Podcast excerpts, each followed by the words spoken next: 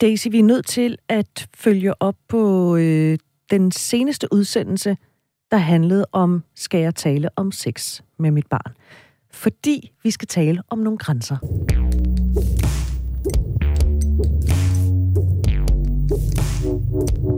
Ja, fordi vi, i virkeligheden sagde vi jo grænser og grænser, og grænser er vigtigere. Det er vigtigt for at have god sex, at man har gode grænser.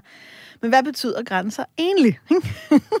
hvad er grænser? Ja, altså, altså så man kan sige, jeg tænker sådan lidt, at jamen, grænser er selvfølgelig, du ved, jeg ser nogle gange nærmest sådan landegrænser for mig, grænser mellem steder.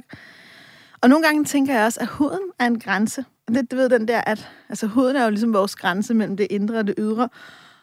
Og nogle gange Mm, for mig er der noget meget poetisk i det der med, hvis man ligesom, hvis man bliver revet, og det, ligesom, så kan det bløde lidt på samme måde, hvis man får overtrådt ens indre grænser, kan det give en lille rift i sjælen. Mm, selvfølgelig. Altså, og den, det for mig kan jeg meget godt lide det der billede, ikke? Altså, fordi det, bliver, det er så tydeligt, hvis vores hud bliver beskadiget, at det gør ondt, men på samme måde gør det også ondt inden i os, når, når de grænser, vi har, ikke bliver respekteret.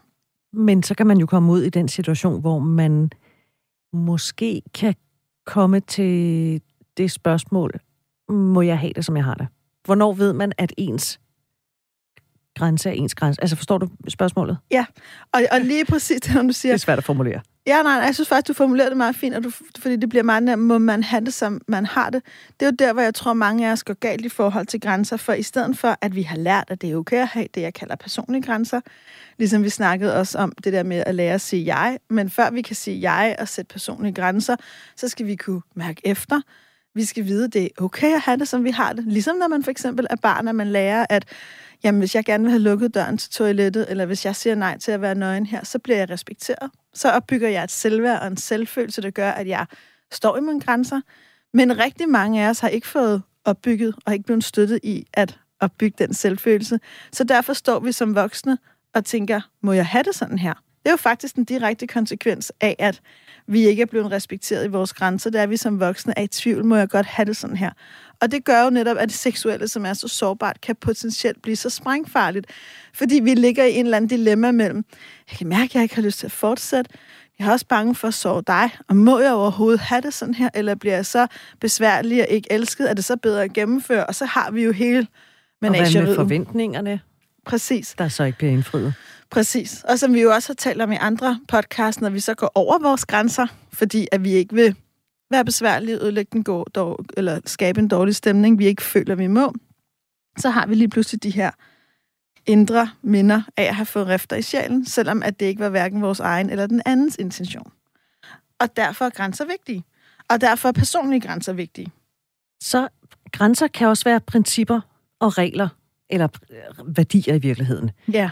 Mentale grænser. Hvad er mentale grænser? Jamen for mig, der er mentale grænser, det er, sådan, det er meget godt at, at tjekke med sig selv. Fungerer min grænser egentlig i forhold til det mentale? Det er sådan at tjekke ind med sig selv. Okay, så hvis jeg nu har rigtig meget lyst til det her, ikke? Øh, skifter jeg så egentlig mening, når andre mener noget andet?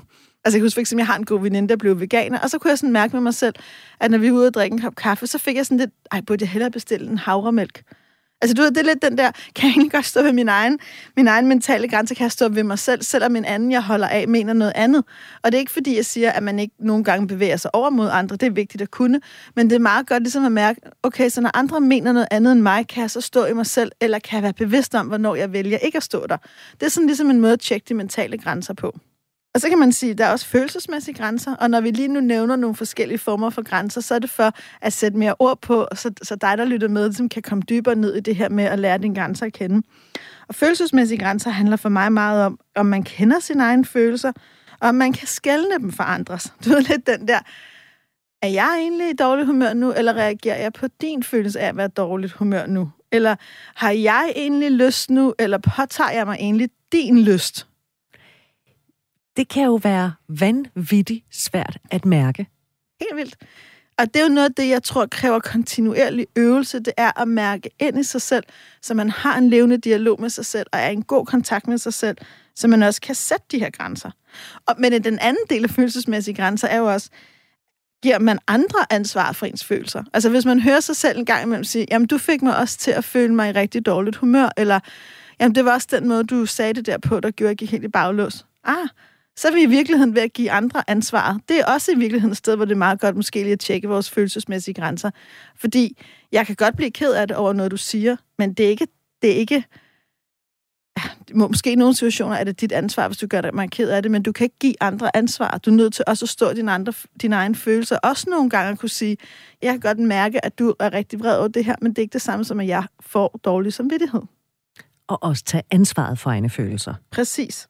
Også når de kan føles irrationelle. Ja. Fordi det kan de jo. Ja, ja, jeg måtte sige til min mand hen en dag, okay, jeg ved godt, jeg kom hjem i går og var en mega bitch, og jeg er sur, og jeg skal ud, og jeg I'm sorry. Jamen, altså, sådan er det jo, ikke?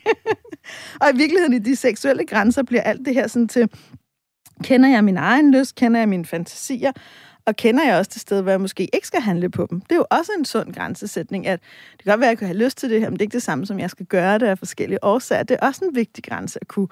Kan jeg i virkeligheden aflæse andre seksuelle og intime grænser?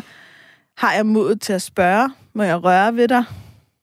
Må jeg ikke røre ved dig? Hvordan føles det her? Altså, det, det, mm, grænser er jo bare enormt vigtige for, at vi kan nyde og slappe af sammen. Og det er vigtigt, at man bruger den tid, det tager at tænke sig om. Ja. Fordi det kan godt tage tid at tænke sig om. Ja. Jeg har endnu ikke oplevet nogen, der har kigget, har tænkt sig om, og så spurgt, må jeg tage dig lidt på numsen? Altså, et eksempel for eksempel, ikke? Altså, man lige når at tænke sig om, skal jeg bare placere min handske på din numse, eller skal jeg spørge først? Mm. Ja, eller skal jeg bare lade være? Eller skal jeg bare lade være?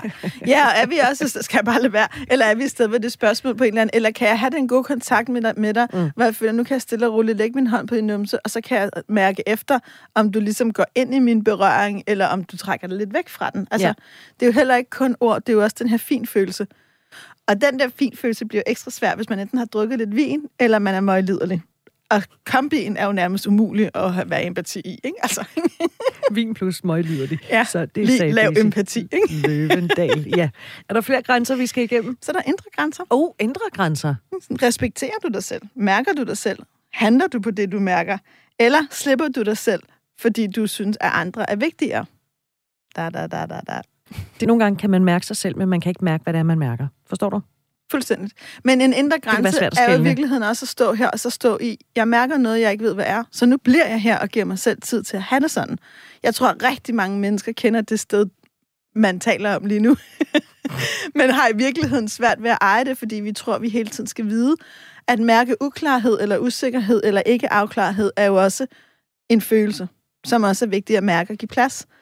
Jeg kan godt høre, at du gerne vil have et svar på mit spørgsmål nu. Det kan du desværre ikke få. Jeg kan godt mærke, at du har lyst til, at vi går ind og har sex nu. Det ved jeg ikke, om jeg har lyst til. Jeg bliver lige siddende her på stolen. og det kræver mod. Det kræver mega meget mod. Nu er vi tilbage ved modet, ikke? Så, så vi, vi skal træne. Så vi nemlig skal træne, og det kan du øh, finde i en anden podcast, hvordan du finder ud af det. Øh, Daisy, var det ikke bare det? Jo, det var det.